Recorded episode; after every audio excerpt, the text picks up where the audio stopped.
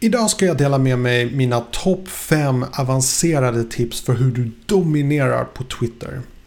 Mycket nöje.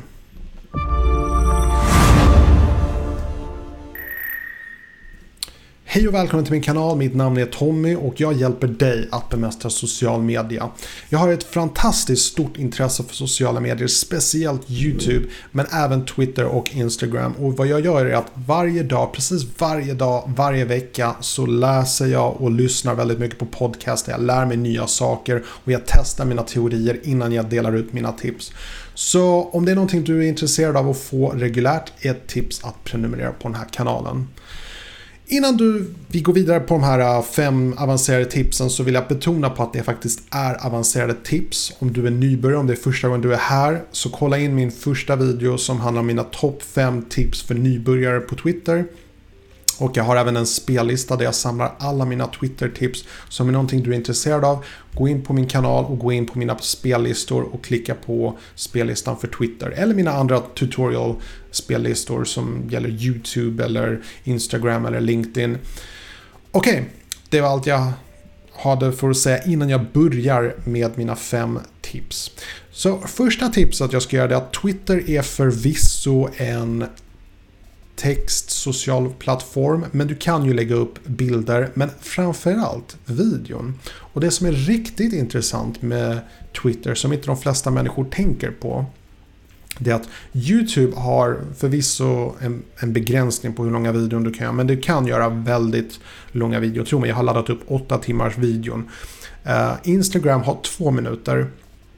Och även om du kör IGTV så är det 10 minuter. Men Twitter, där kan du faktiskt också lägga upp eh, videon och du har en maxgräns på två minuter. Så det är någonting som du faktiskt skulle kunna utnyttja genom att ladda upp dina videon på Twitter. Det är första tipset. Mitt andra tips är att man är medveten om när man faktiskt publicerar på Twitter. Ett tips då är att använda Hootsuite där du kan schemalägga dina poster eller synka ihop med Facebook, vilket är ännu bättre. Men det är mitt tredje tips. Mitt andra tips här som är väldigt viktigt är att publicera just på tider då dina tittare faktiskt är som mest aktiva. Så vilken tid är det här? Finns inget rätt svar för det här. För allting beror på helt och hållet när du, um, när just din publik faktiskt tittar på Twitter. Så om vi säger till exempel att du gör poster som mest är intressanta för tonåringar så kanske tiden för det är i princip när som helst på dagen då de är i skolan och är uttråkade. Men om du kanske gör Twitter-poster som är mer för vuxna människor då kanske du ska tänka på att de kanske tittar på Twitter på lunchrasten.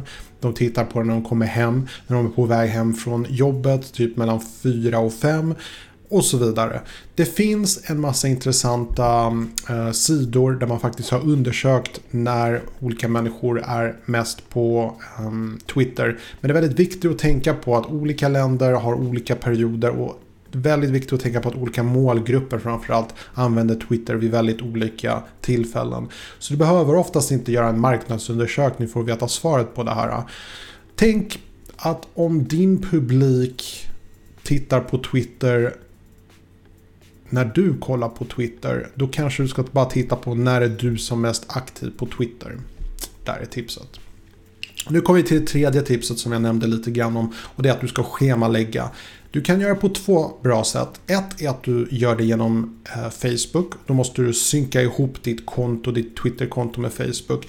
Och sen kan du skapa en sida på Facebook och där kan du sätta schemalagda poster och där har du ingen limit.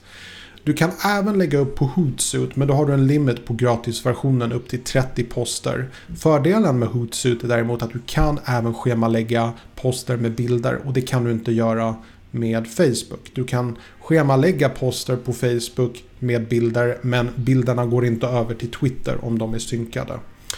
Men att schemalägga det är ett väldigt viktigt tips för då kan du som sagt, även om du kanske inte har tid att twittra, eh, lägga upp poster vid det den tiden du vill lägga upp så kan du schemalägga i förväg. Och det ger dig ett sätt att schemalägga och planera ditt flöde på Twitter. Så det är ett stort tips att verkligen tänka på det här att schemalägg, planera ditt flöde.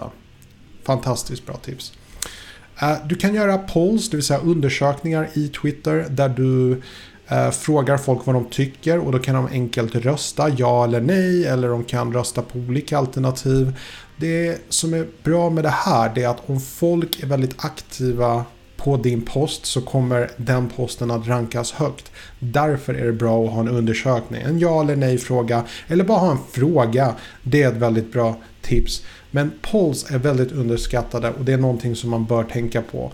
Polls och videon gör att folk är extra aktiva på dina Twitter-poster. Så utnyttja den möjligheten.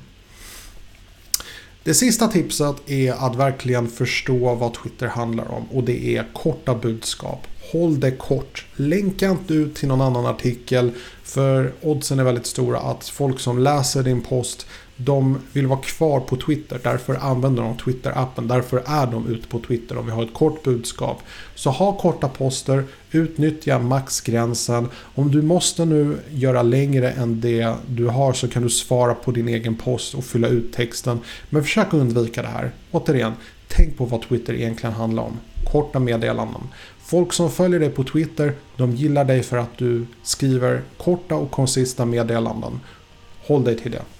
Det var det jag hade. Topp 5 avancerade tips. Om du gillar den här videon så har jag fler sådana här videon i min Twitter-spellista på YouTube-kanalen. Gå in på min YouTube-kanal och gå in på spellistor. Det finns en flik där. Gå in på spellistor för Twitter-tips så hittar du fler av mina Twitter-tips.